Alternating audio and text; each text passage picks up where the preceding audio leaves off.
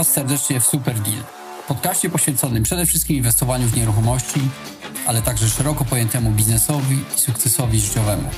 W naszym programie gościć będziemy najlepszych inwestorów, fliperów, deweloperów, którzy dzieli się będą z Wami prostymi wskazówkami, które pomogą Wam również lepiej inwestować i szybciej osiągnąć wymarzony sukces zawodowy i życiowy. Dziękuję wszystkim, którzy nas słuchają, subskrybują i wspierają oraz przekazują dalej informacje o naszym podcaście. Ja nazywam się Robert Kuliga i zapraszam Was na kolejny odcinek. Mam nadzieję, że Wam się spodoba.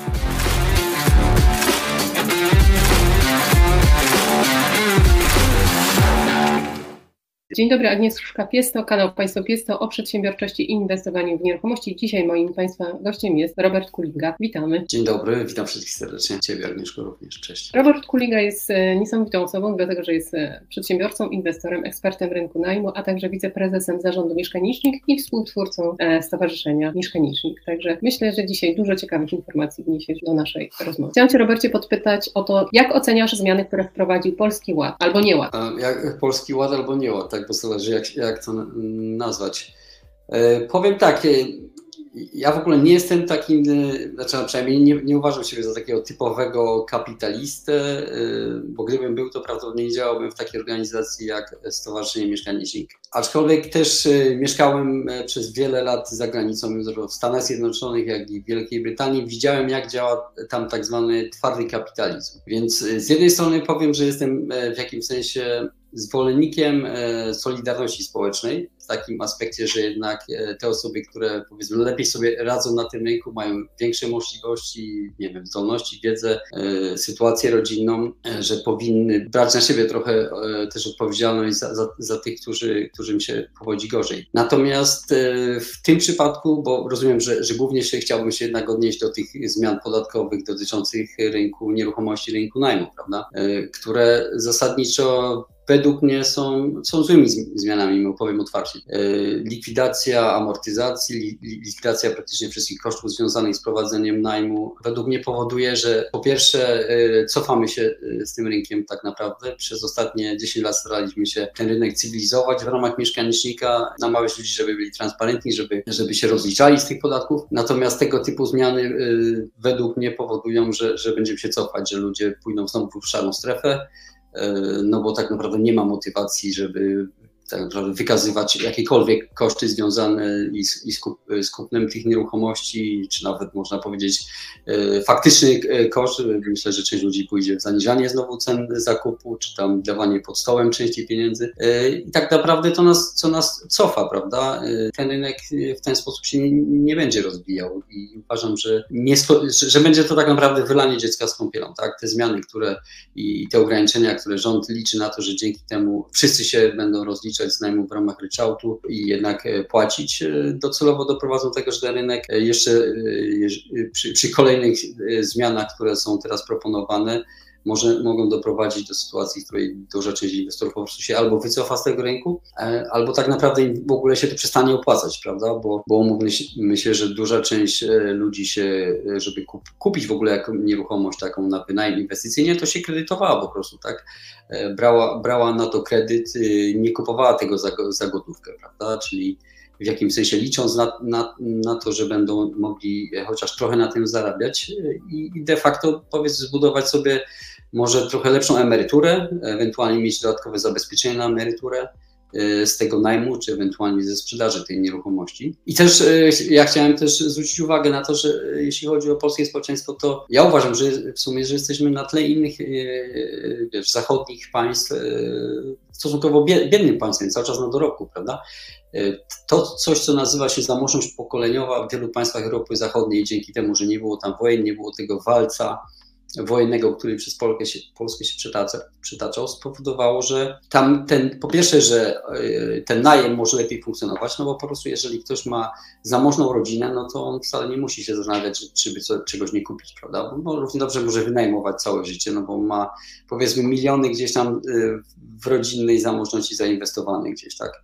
Polskich realiach, no to tak jak powiedziałem, to, to często są po prostu na zasadzie większość ludzi, przynajmniej tych, którzy też my zrzeszamy w stowarzyszeniu, no to, to nie są y, żadni krezusi finansowi, y, tylko osoby, które kupiły jedno, dwa tam kilka mieszkań być może, które, które wynajmowały i, i tyle. No, i, chciały sobie dzięki temu w jakiś sensie poprawić może gdzieś tam na starość jak, jakieś możliwości by, bytowe. No. Mhm. Ja, ja, to tak oceniam. Mm, tutaj w dużej mierze się zgadzam. Część osób wycofa się z e, tego rynku najmu z tego względu, że jest dosyć niepewny, być może nieco represyjny system podatkowy, e, zmiany takie makro, może nie makro, ale w, skali takiej polskiej dotyczące zmiany stóp procentowych, tutaj też du, duża, duże wahania tej rady kredytowej nastąpiły, więc część osób się wycofa. Ci, którzy zostaną, e, myślę, że będą się coraz bardziej specjalizować, profesjonalizować w tym wynajmie. E, I wiem, że Ty też zajmujesz się wynajmem tutaj w Warszawie.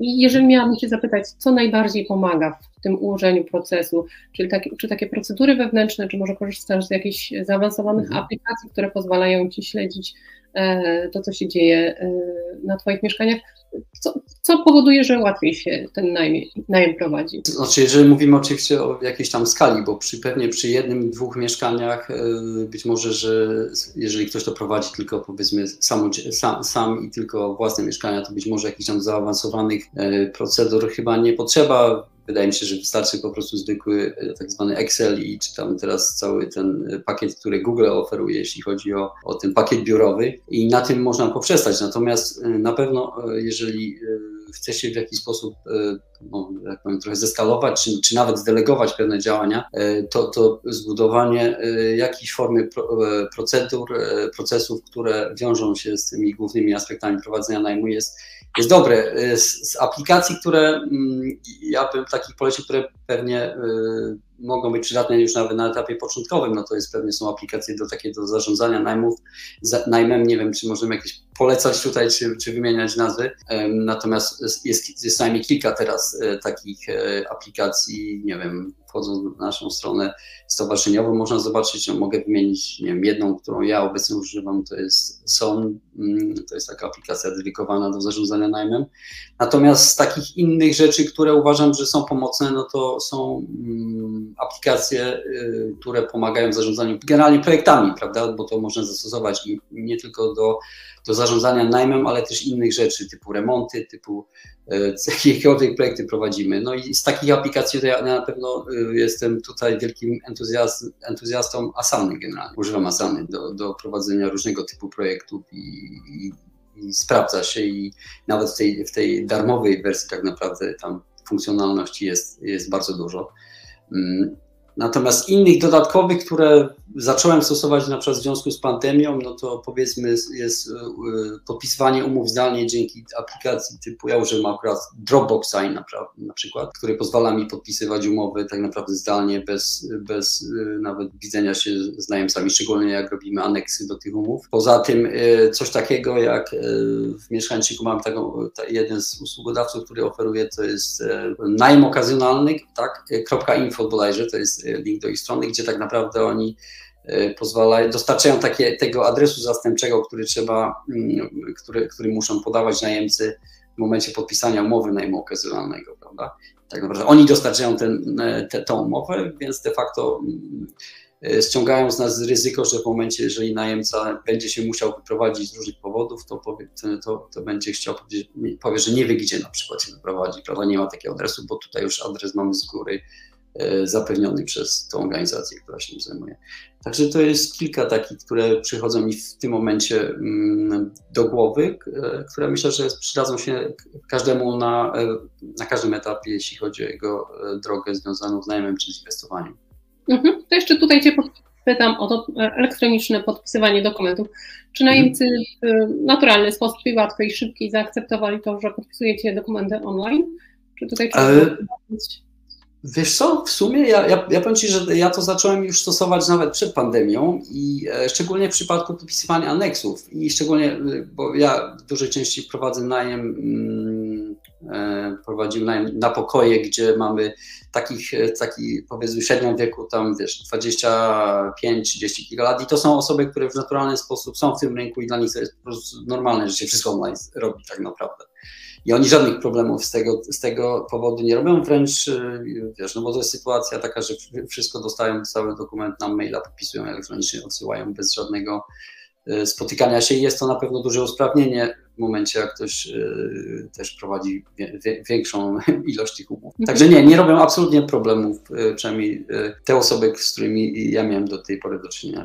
To bardzo, bardzo duża też optymalizacja tutaj może się pojawić, bo rzeczywiście jeżeli mamy więcej niż kilka tych osób, które wynajmują nie musimy jeździć, każdej osoby gdzieś tam złapać, więc super. E, myślę, u nas niestety nie wszyscy są w stanie podjąć takiego podpisywania online, bo mamy osoby z różnych kręgów kulturowych, które posługują się różnymi językami, więc po prostu czasem mhm. zapraszamy do biura, żeby jeszcze im e, wytłumaczyć, żeby jakby namaścić to, to zawarcie aneksu, bo wtedy czują się mhm. po prostu bardziej zaopiekowani, zabezpieczeni, że jeżeli im jeszcze dodatkowo wytłumaczymy, o co chodzi w tym aneksie, więc tak. Ale wracając do rynku W ostatnim czasie pojawiła się taka informacja, że Ministerstwo Finansów wydało taką interpretację, że przedsiębiorcy zarabiający na wynajmie mieszkań zapłacą prawie 20 razy, 29 razy, prawie 30 razy wyższy podatek od nieruchomości niż osoby nie prowadzące tej działalności. To jest stawka 20, tam 8,70 za metr kwadratowy. E, czy to nie jest takie już nadmierne szukanie dochodów budżetu, do budżetu albo po prostu opodatkowywanie z każdej strony właścicieli nieruchomości, którzy mają więcej niż jedną e, mhm. nieruchomość? No, tak jak powiedziałem wcześniej, e, że uważam, że to się dokładnie wpisuje w jakiś taki trend, który się pojawił, jeśli chodzi o e, właśnie dociskanie i do, dociskanie tych prywatnych, tych, tych osób, które prowadzą w jakiś sposób ten najem w Polsce. I, i, i, i na pewno no i ta, tak naprawdę skłanianie do tego, żeby ludzie nie mogli robić żadnej, powiedzmy, ani optymalizacji podatkowej, ani nic takiego, tylko żeby wszyscy po prostu, jeżeli jesteś, y, czy chcesz działać w tym, w tym rynku, żebyś po prostu musiał ten podatek zapłacić. Uważam, że stawka, jaka jest zaproponowana, jest, jest bardzo dużą stawką i z tego, co czytałem, bo to jest oczywiście i zarówno jeśli chodzi o te nowe propozycje dotyczące tam zakupów mieszkań, jak i te, tego dodatkowego e, formy opodatkowania, to, to są jakieś tam dopiero precedensy. Jeżeli to faktycznie wejdzie w życie w takiej formule, e, to e, to, to będzie, no, no umówmy się, przy, przy mieszkaniu, nie wiem, tam właśnie 60-metrowym, 70, jeżeli ktoś będzie miał rocznie zapłacić podatku 2000 zł, no to to jest bardzo wysoki, wysoka stawka. Nawet biorąc pod uwagę, że, cel, że w sumie te stawki w Polsce, te standardowe, tam koło złotówki czy coś takiego są niskie, no to tego typu mm, podwyżka no to po prostu jest, y, nie wiem, to uważam, że, że to, to jest totalne jak gdyby nieporozumienie. I tylko się zastanawiam, bo nie rozmawiałem w sumie ze swoim y, tym, tym doradcą podatkowym na ten temat, jak, jak to jest generalnie interpretowane, bo tak naprawdę dla mnie to ta interpretacja, dlaczego akurat takie nieruchomości wtedy y, mają być opodatkowane tego typu stawką, a jeżeli ktoś prowadzi nawet y, działalność w swoim mieszkaniu, y, ale na przykład jednocześnie tam mieszka, to, to już niekoniecznie ta stawka musi być na, ta, taka wysoka, więc dla mnie to w ogóle jest, interpretacja jest bardzo, co najmniej dziwna bym powiedział. E, I na pewno nie, na pewno jest to kolejna śruba i nie przyczyni się to w żaden sposób do poprawy, czy tam e, postrzegania i e, znaczy podejścia generalnie tej, tego rządu obecnego, przynajmniej w ostatnim czasie do, mm, do kwestii jak gdyby tutaj zarabiania w jakikolwiek sposób na, na wynajmie, prawda? Mhm. E, to już, jeśli nie wynajem, to wróćmy do remontów może, bo wiem, że też remontowałeś budynki i kamienice. Mm, my też mieliśmy taką przyjemność, ale chciałam się podpytać, ile, z którego roku był na przykład najstarszy budynek, który, który remontowałeś? E, ja powiem tak, ja mam mm, de facto od samego początku, w związku z tym, że ja jestem e, Krakusem, prawda, jestem, e, pochodzę z miasta Kraków i tak naprawdę, jak wiecie, Kraków stoi starymi zabytkami, jak gdyby zawsze przysiągnąłem w ogóle tym, tym starym budownictwem, tym bardziej, że, że kończyłem powiedzmy szkołę o profilu takim też konserwacji dzieł sztuki w którymś momencie i w dużej, i miałem taki od początku gdzieś tam zainteresowanie tym, żeby jednak mm, przywracać świetność tym, tym starym obiektom y, i, i dziełom sztuki, a, a później a też również budynkom. Y, więc ja do tego mam duży sentyment i zaczynałem w ogóle swoje, swoje zawsze te inwestycje od pierwsze, pierwsze mieszkania, które montowałem, to również były kamienice, mieszkania w kamienicach. Akurat wtedy to była, to był Śląsk, tak? To była aglomeracja śląska.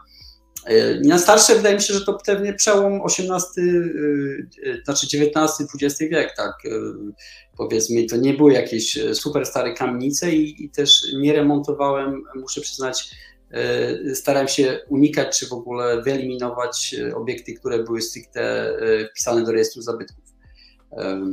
To, znaczy remontowałem, znaczy takie, które są w tak zwanym rejestrze, obszarze powiedzmy tak zwanej strefy ochrony konserwatorskiej, to tak, dlatego że wymogi wtedy są inne, w sensie takim, że oczywiście wtedy jest tylko konsultowanie w zakresie zewnętrznej elewacji tego, powiedzmy, musi ona zostać w takim formacie, w jakim była pierwotnie, natomiast już konserwator nie ingeruje w kwestie dotyczące tego, co w środku robimy, prawda?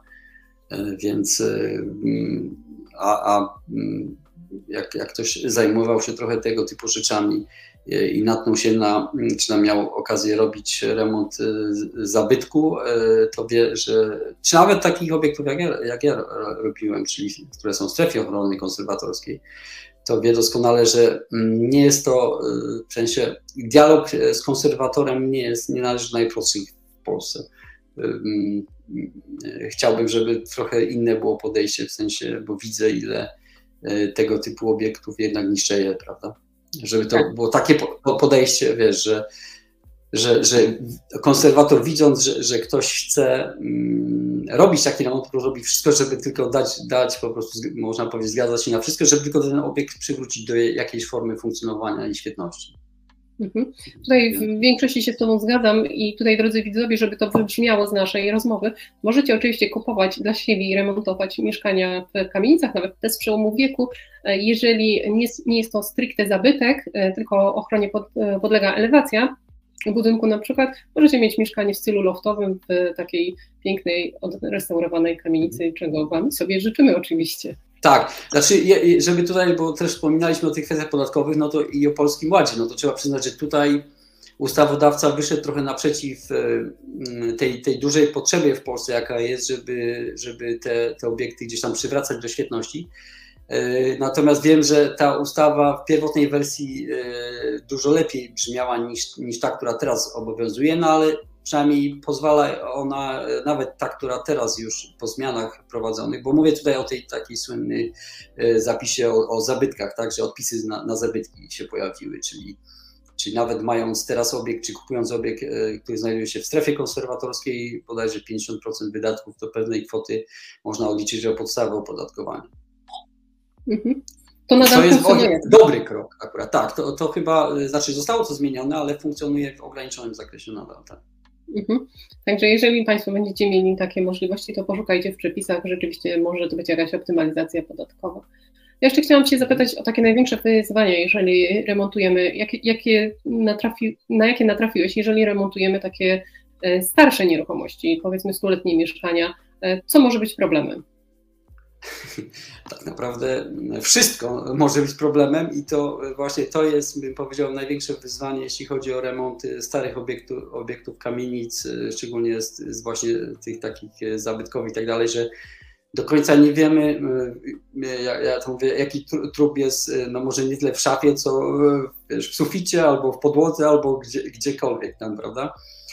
Może być wiele niespodzianek i tak naprawdę ciężko w przypadku tego typu obiektów y, mieć pewność stuprocentową. No wiadomo, wiadomo, może jak ktoś robi taką już na zasadzie y, duża firma, która specjalizuje się w tego typu obiektach, no to tam ma, ma y, określony zespół, który jest w stanie może praktycznie wszystkie rzeczy wychwycić. Natomiast co jest na pewno ryzykowne w przypadku właśnie tego typu obiektów, że, że tutaj koszty mogą okazać się znacznie wyższe niż zakładaliśmy na początku, prawda? I, dobrze jest, y, kupując tego typu obiekt, mieć jednak tam duży margines bezpieczeństwa, w sensie tego, za ile to kupujemy, żeby nie okazało się, że koszty, które y, zakładaliśmy, że poniesiemy, będą jednak dużo wyższe. I tu mówię o nawet przy obecnej, że tak powiem, jeszcze sytuacji na rynku, to kilkadziesiąt procent, co tak naprawdę może umówmy się, zabić tak naprawdę projekt i jego rentowność, jeżeli to jest, jeżeli to jest, ma być obiekt komercyjny, gdzieś tam, czy później sprzedawany, czy, czy wynajmowany, czy no, naprawdę na przykład dla inwestorów przeznaczony. E, no bo jeżeli ktoś e, dla siebie kupuje i powiedzmy no to wtedy wiadomo, że inaczej się tego typu obiekty też remontuje, prawda, bo, bo opłacalność, nie patrzymy może nawet na kwestie mm, opłacalności, tylko chcemy, żeby to było wszystko idealnie, czy tam, tak jak sobie wymarzyliśmy, no nie? Ale to trzeba byłoby roz, rozgraniczyć e, zasadniczo e, kupowanie dla siebie, a kupowanie pod kątem inwestycyjnym. Natomiast jeszcze mm, z takich wyzwań, które myślę, wydaje, że, że pojawiają się w przypadku tego ty, typu obiektów, na, na pewno jest trzeba myśleć nawet e, różnych projektów związanych z, e, z, remontami, to jest na pewno dobranie takiego optymalnego zespołu współpracującego, czyli tak naprawdę rzetelnych fachowców. I tutaj mówię zarówno jeśli chodzi o takich no, inspektora nadzoru budowlanego, projektanta, kierownika budowy czy, czy, czy kierownika robót na przykład, ale też takich stricte fachowców, którzy ekipy remontowej, które, które, która już ma nam ten E, remont wykonać, prawda? I tutaj, e, bo mając tego typu osoby zaufane, które wiemy, że się znają na tak zwanej robocie, jest dużo łatwiej i, i na pewno e, taki, taki remont wykonać i też poprawia to jak gdyby bezpieczeństwo prowadzenia takiej inwestycji, więc mm, no tak jak mówię, no, jest, jest pewnie musiałbym, mógłbym wymienić jeszcze długo, ale takich kilka elementów, które które, które ja na pewno bym zalecał, żeby zwrócić uwagę na nie. Tak? Mhm. Mi wydaje się, że przy takich budynkach bardzo ważne jest spełnienie tych wymogów, które wynikają z rozporządzenia e, o warunkach technicznych, jak, jakim powinny odpowiadać budynki i lokale, z tego względu, że to, co kiedyś było normą, powiedzmy na przełomie wieków, teraz już ta norma budowlana się zmienia i na przykład w, w takich mieszkaniach często, jeżeli była wydzielona łazienka, to super, ale na przykład my chcemy sobie wydzielić większą łazienkę, czyli zwiększamy tą powierzchnię łazienki, może się okazać, że na przykład brakuje nam pionów wentylacyjnych, bo y, nie było przewidziane tyle, tyle pionów wentylacyjnych, żeby prawidłowo wentylować tą łazienkę, czy kuchnię, e, czy, czy poprowadzić dodatkowe okablowanie, więc to z dużym wyprzedzeniem trzeba konsultować z architektem, ze wspólnotą, bo piony to już są takie części, które musimy też konsultować ze wspólnotą. Nie możemy sobie sami z parteru na dach się wybić i powiedzieć: Mam komin i jest super, prawda? Więc to, to, to jest dużo pracy takiej technicznej, prawnej, ustalanie ze wspólnotą, bo jeżeli my jesteśmy niżej, a musimy się przebić przez mieszkanie sąsiada, żeby sobie wentylację wyprowadzić, no to już tutaj mamy dodatkowe. Trzeba też jeszcze jak gdyby oddzielić sytuację, w której mamy tylko mieszkanie w takim obiekcie właśnie typu kamienica, no to jest dokładnie tak jak Ty mówisz, że wtedy mamy y, zdecydowanie tego typu ograniczenia, y, bo zazwyczaj w kamienicach tych y, że tak powiem, przewodów wentylacyjnych jest mniej niż obecnie przepisy tego wymagają i tak naprawdę trzeba byłoby, trzeba byłoby, żeby było, dlatego często się dorabia obecnie y, po prostu na zewnątrz dodatkowe przewody wentylacyjne i się podpina w ten sposób, y, no bo inaczej to trzeba całe klatki de facto czasami rozkuwać, prawda, żeby móc y, puścić kolejne przewody wentylacyjne. Natomiast w momencie, jak ktoś kupuje oczywiście całą kamienicę, no to można powiedzieć, że, że może sobie pozwolić, bo, bo tam można tak naprawdę zaprojektować całą przestrzeń na nowo i można oczywiście nowy przewód, no, no, zaprojektować więcej przewodów kominowych, wentylacyjnych e, i, i, i są dodatkowe e, możliwości wtedy, prawda? Mhm. Tak, nam się zdarzyło na przykład, e, gdy kupiliśmy jedną z kamienic, że do wymiany były w zasadzie wszystkie stropy drewniane, bo na parterze oczywiście były stropy klejna, ale już wyżej były to stropy drewniane, które na przestrzeni lat po prostu zamokły. I mhm. no i uznaliśmy, że nie warto zostawiać takich już na, po, gnijących belek i kłaść na to podłogi, więc to była dodatkowa praca, a a też takie wzmocnienie konstrukcyjne budynku z tym było związane, więc jeżeli ktoś tam e, rzuca takie, takie jakieś hasła, że ci, co remontują budynki, kamienice, to są tacy drobkiewicze, to nie zdaje sobie sprawy, jak bardzo wiele pracy i odpowiedzialności jest z tym związane, bo tak naprawdę, jeżeli zatrudnilibyśmy ekipę, która, która nieprawidłowo wykona nam wymianę tych stropów, to jest ryzyko, że ściany konstrukcyjne zostaną naruszone, a w konsekwencji tego budynek będzie się nie nadawał do E, do użytkowania, więc to jest ogrom pracy technicznej, takiej e, prawnej, konstrukcyjnej. Często właśnie warto współpracować też z, e, z osobą, która ma uprawnienia takie konstruktorskie, prawda, która podpowie, że którąś ścianę trzeba wzmocnić. Więc tak, opierajmy się na Zdecydowanie przy, przy starych kamienicach często jest tak, że, że tak naprawdę cały budynek e, wymaga w jakiś sposób e, wzmocnienia, bo to jest i, i ściany, prawda, i czasami e, tutaj nadproża, prawda, i nad oknami, i nad drzwiami wymagają czas, jak gdyby tak naprawdę totalnej naprawy i zrobienia tego według tych standardów, jakie obecnie funkcjonują. A umówmy się, tak jak wspomniałeś tutaj o stropie, że, że akurat wymiana stropu to, to jest też duży koszt, prawda? Też podnosi znacząco e, koszt całej inwestycji.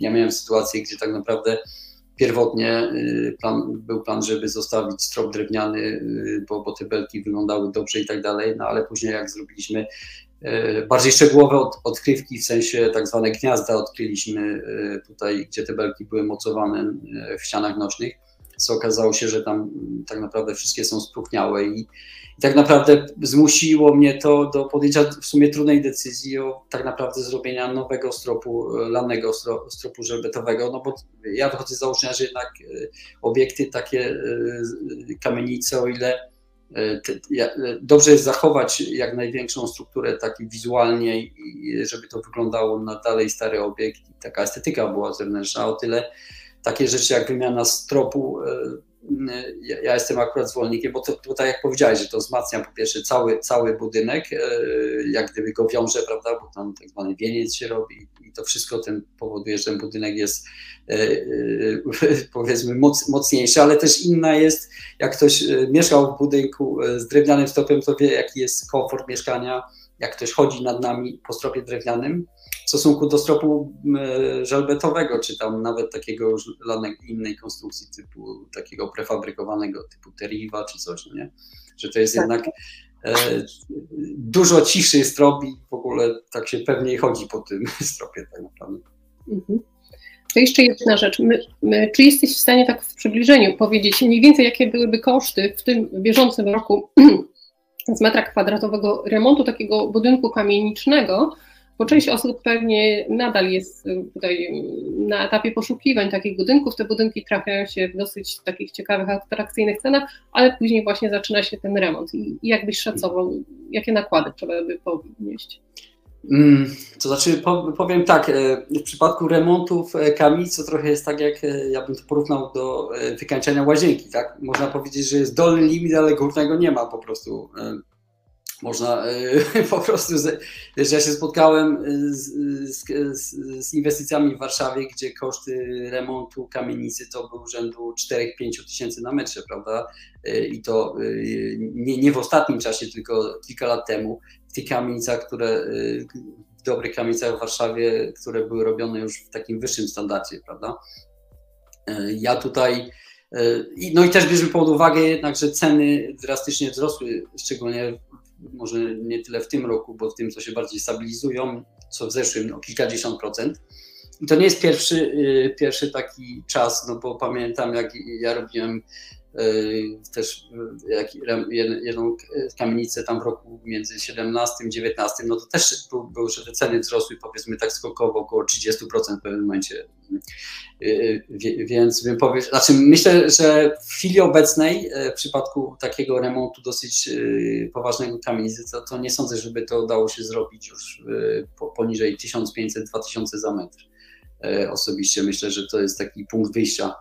A górnej granicy to, to y, myślę, że nie. Tak powiedziałem, że nie mam, bo, bo to jest wszystko zależy od tego, jaki standard jest, jak bardzo zachowamy oryginalną e, tkankę obiektu, prawda? Mm, bo, bo przykładowo, e, nie wiem, okna jako jeden z elementów.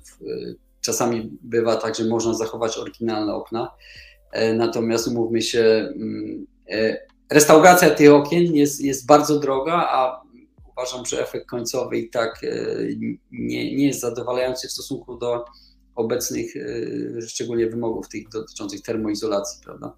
Mhm. E, więc, więc tutaj też trzeba, no ale z drugiej strony wstawienie drewnianych okien, które powiedzmy nawiązują do mm, do pierwotnej struktury budynku, czy tam wyglądają w podobny sposób, no to też jest znowu bardzo wysoki koszt, bo to jest kilkukrotnie koszt wyższy niż, niż okna plastikowe, prawda? Mhm. To mogę powiedzieć z doświadczenia, my teraz uczestniczymy w takiej y, inwestycji, remont budynku, ale z lat 60., gdzie nie wymienialiśmy stropów, i już jesteśmy blisko końca i nakłady inwestycyjne właśnie na metr kwadratowy wyniosły nas bliżej 3000 zł za metr no, kwadratowy. To... Bez wymiany no stropu. Tak, I, tak. I nawet bez wymiany dachu, więc to są już takie koszty, które absolutnie myślę, że 20% y, dodatkowych nakładów inwestycyjnych liczyłabym w bieżącym roku, żeby się nie zaskoczyć, tworząc budżet na kolejny y, budynek, prawda? Plus, y, ja bym powiedział, w przypadku takich obiektów, to, że jak powiem, ten budżet, taka, taka poduszka finansowa, to, to nie 10, tylko pewnie jest 20% co najmniej, w sensie, że te koszty mogą być o tyle wyższe, prawda, żeby mieć gdzieś tyle dodatkowo, gdzieś tam jakichś jeszcze zapasów finansowych, prawda? Tak, i dosyć długo też trwają te remonty, bo pamiętajmy, że to nie jest remont jednej nieruchomości, jednego mieszkania, tylko całego obiektu. Pytanie za tak, Właśnie, Robert, czy jeszcze w planach masz um, remonty takich budynków, takich obiektów, czy raczej już.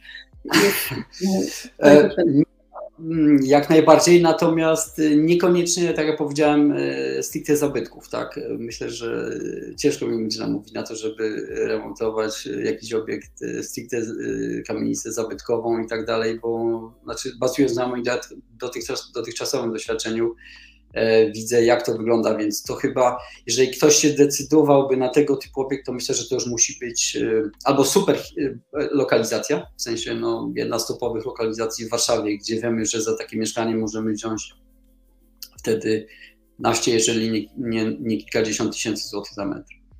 Mhm. Natomiast, okej, okay, takie obiekty jeszcze, tak jak powiedzieliśmy, w strefie ochrony konserwatora, mm, potencjalnie tak, a, a, a najlepiej to, to takie, które nie mają mm, nic wspólnego z konserwatorem. Mhm.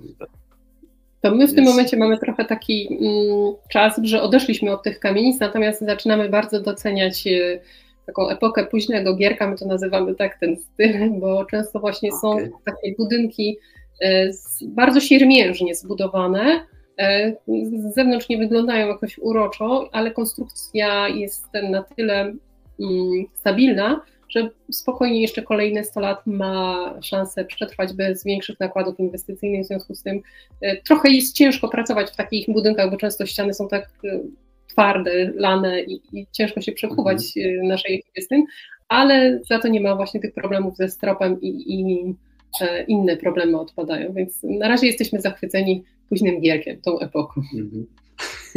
No, myślę, że wiesz, no, to jest jednak du, duży plus w sensie takim, że też można coś fajnego z tego wykreować obecnie, prawda? W sensie to, jeśli chodzi o zewnętrzną, nie ma tych ograniczeń związanych z konserwatorem, więc można e, też sobie e, coś fajnego, mając dobrego architekta, wymyśleć, plus e, zrobić jeszcze dodatkową termomodernizację, która też poprawia parametry mm, takie, takie związane z, z oszczędnością energii to też jest w dużym, dużej mierze plus. Ja, ja powiem tak, ja mm, powiedziałem, że jeżeli miałbym wybierać w tym momencie, jeżeli coś by się ciekawego pojawiło, to, to pewnie wybrałbym tego typu obiekt, e, prawda, z perspektywy też nakładów i kosztów. Natomiast nie wykluczam, że jeżeli coś fajnego się e, mi gdzieś pojawi, jeśli chodzi o takie obiekty już starsze, to, to, to też będę tym zainteresowany.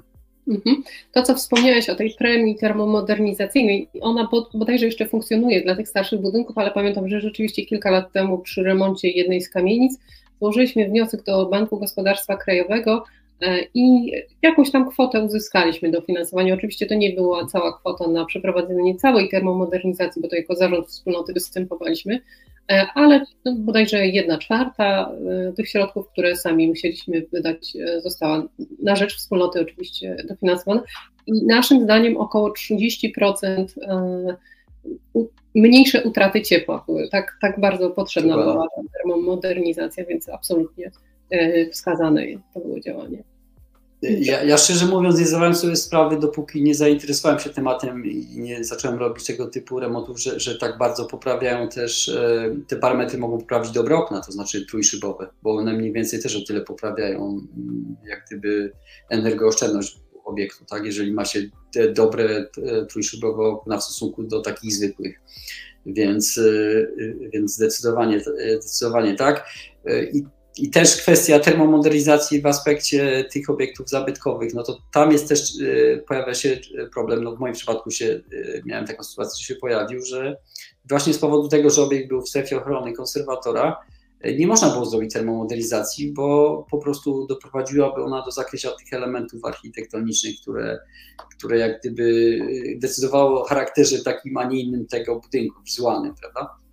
Więc mhm. jedyne ewentualnie, no, co można było zrobić, to tak zwane docieplenie od środka, co, co po pierwsze nie jest optymalne z perspektywy takiego technologii do ocieplania nieruchomych mieszkań, Mm, no i też mniejsza powierzchnia, prawda, wewnątrz, więc y, nie, wtedy się nie zdecydowaliśmy na to, bo, bo tam też były grube, grube mury tej kamienicy, tak, e, kilkadziesiąt centymetrów co najmniej, o ile pamiętam, więc, więc mhm. co, stwierdziliśmy, że, że oknami trochę poprawiliśmy tę tą, tą mhm. e, energooszczędność tego obiektu. Ogólnie teraz też czytałam te wszelkie projekty i zmiany, które mają wchodzić, ale myślę, że kiedy się pojawią, to, to dopiero je omówimy, że mamy iść w kierunku bardziej pasywnego budownictwa, tak? czyli pompy ciepła, fotowoltaika i wszelkie nowinki technologiczne, więc być może później okaże się, że to będzie ogromny przeskok, ogromne rozróżnienie między budynkami, bo tutaj mamy budynek, którego nie możemy docieplić, ma duże straty ciepła, a mamy budynki średniej klasy, które mają duże zużycie energetyczne i mamy budynki super nowoczesne, które w zasadzie nie generują już prawie żadnych kosztów e, użytkowania, prawda? Więc nam się ten tak. rynek nieruchomości mocno rozwarstwi. Praktycznie pasywne, w jakim te, można powiedzieć, że to już jest budownictwo. Ja też uważam, że generalnie co do zasady przyszłość budownictwa to jest, to jest chyba prefabrykacja, czy nawet w przyszłości ten, ten, tak, takie 3D drukowanie, ale no, na chwilę obecną bardziej prefabrykacja. Prefabrykacja, tak? No zobaczymy właśnie, czy to 3D wyprzedzi, czy prefabrykacja. Mhm. Na naszym kanale był taki film o domu siedmiometrowym. Co, co prawda to był taki początek projektu tej firmy, e, e, który został wydrukowany, ale rzeczywiście te domy z prefabrykatów szybko powstają, prawda? Więc to, to jest ich główna zaleta. I, I, te parametry, które są prezentowane tam, też nie są, nie są złe, czyli przepuszczalność, nieprzepuszczalność, E, to, to, co musimy zużyć na ich ogrzewanie. Więc tak, te nowe technologie na pewno wkroczą e, w budownictwo, chociaż wydaje mi się, że jeszcze e, klienci, konsumenci nie są tak otwarci na to, żeby nie wiem, zapłacić trochę więcej przy zakupie takiej nieruchomości, ale później mieć dużo mniejsze koszty związane z utrzymaniem takiej nieruchomości. Zdecydowanie. No, ja nie tak dawno też miałem przyjemność gościć na moim, w moim podcaście e, takiego e, człowieka, który właśnie zajmuje się tak naprawdę budowaniem domów pasywnych, prefabrykowanych. I można powiedzieć, że e, tak, że ta technologia pozwala tak naprawdę zminimalizować zużycie energii do tego stopnia, że to są, że to są albo praktycznie mając jeszcze fotowoltaikę, że to się samo finansuje, albo to są po prostu minimalne koszty w ogóle utrzymania takiej nieruchomości, tak? Więc zdecydowanie w ten kierunek jest przyszłościowy. Mhm porównując, właśnie byliśmy tutaj ostatnio u znajomych, którzy kupili dom, tam dwupiętrowy góra-dół, powiedzieli, że rocznie wydają około 20 tysięcy na ogrzanie tego domu, bo nie jest podpięty do sieci, nie, i musieli y, tam dwa systemy mają akurat grzewcze, więc to nie są małe koszty, tak? Jeżeli rozłożymy to na, na miesiące, to jest prawie 1800 zł miesięcznie na, na to, żeby ogrzać taki obiekt. Więc prawie rata kredytu, albo pół no. raty kredytu z tego wychodzi. Dokładnie. Dobrze, to y, będziemy powoli kończyć. Uprzejmie dziękuję Ci, Robercie, mhm. za rozmowę. E, mam nadzieję, że nie, ostatni, nie pierwszy i nie ostatni raz byłeś gościem na naszym kanale. Mm, tak, e, również mam nadzieję, przyjemnie się rozmawiało, także że będziemy mieli jeszcze okazję porozmawiać w przyszłości. Dzięki za zaproszenie. Tak. Jeżeli będziecie mieć bezpośrednio pytania do Roberta, to oczywiście kontakt podlinkuję Wam e, pod tym filmem. Pytajcie w komentarzach, postaramy się w miarę możliwości na, na Wasze pytania odpowiedzieć. E, dziękuję, ja. pozdrawiam. Jasne, do zobaczenia, cześć. Mam nadzieję, że spodobał Wam się dzisiejszy odcinek podcastu Super Deal. Jeśli jeszcze nie jesteście naszymi subskrybentami, kliknijcie już teraz przycisk subskrybuj, aby mieć pewność, że nie ominie Was kolejny odcinek. Pamiętajcie, sukces, jak i porażkę można przewidzieć. Jeśli waszym celem jest szybsza droga do sukcesu w nieruchomościach, biznesie i nie tylko, słuchajcie nas w kolejnych odcinkach. Do usłyszenia.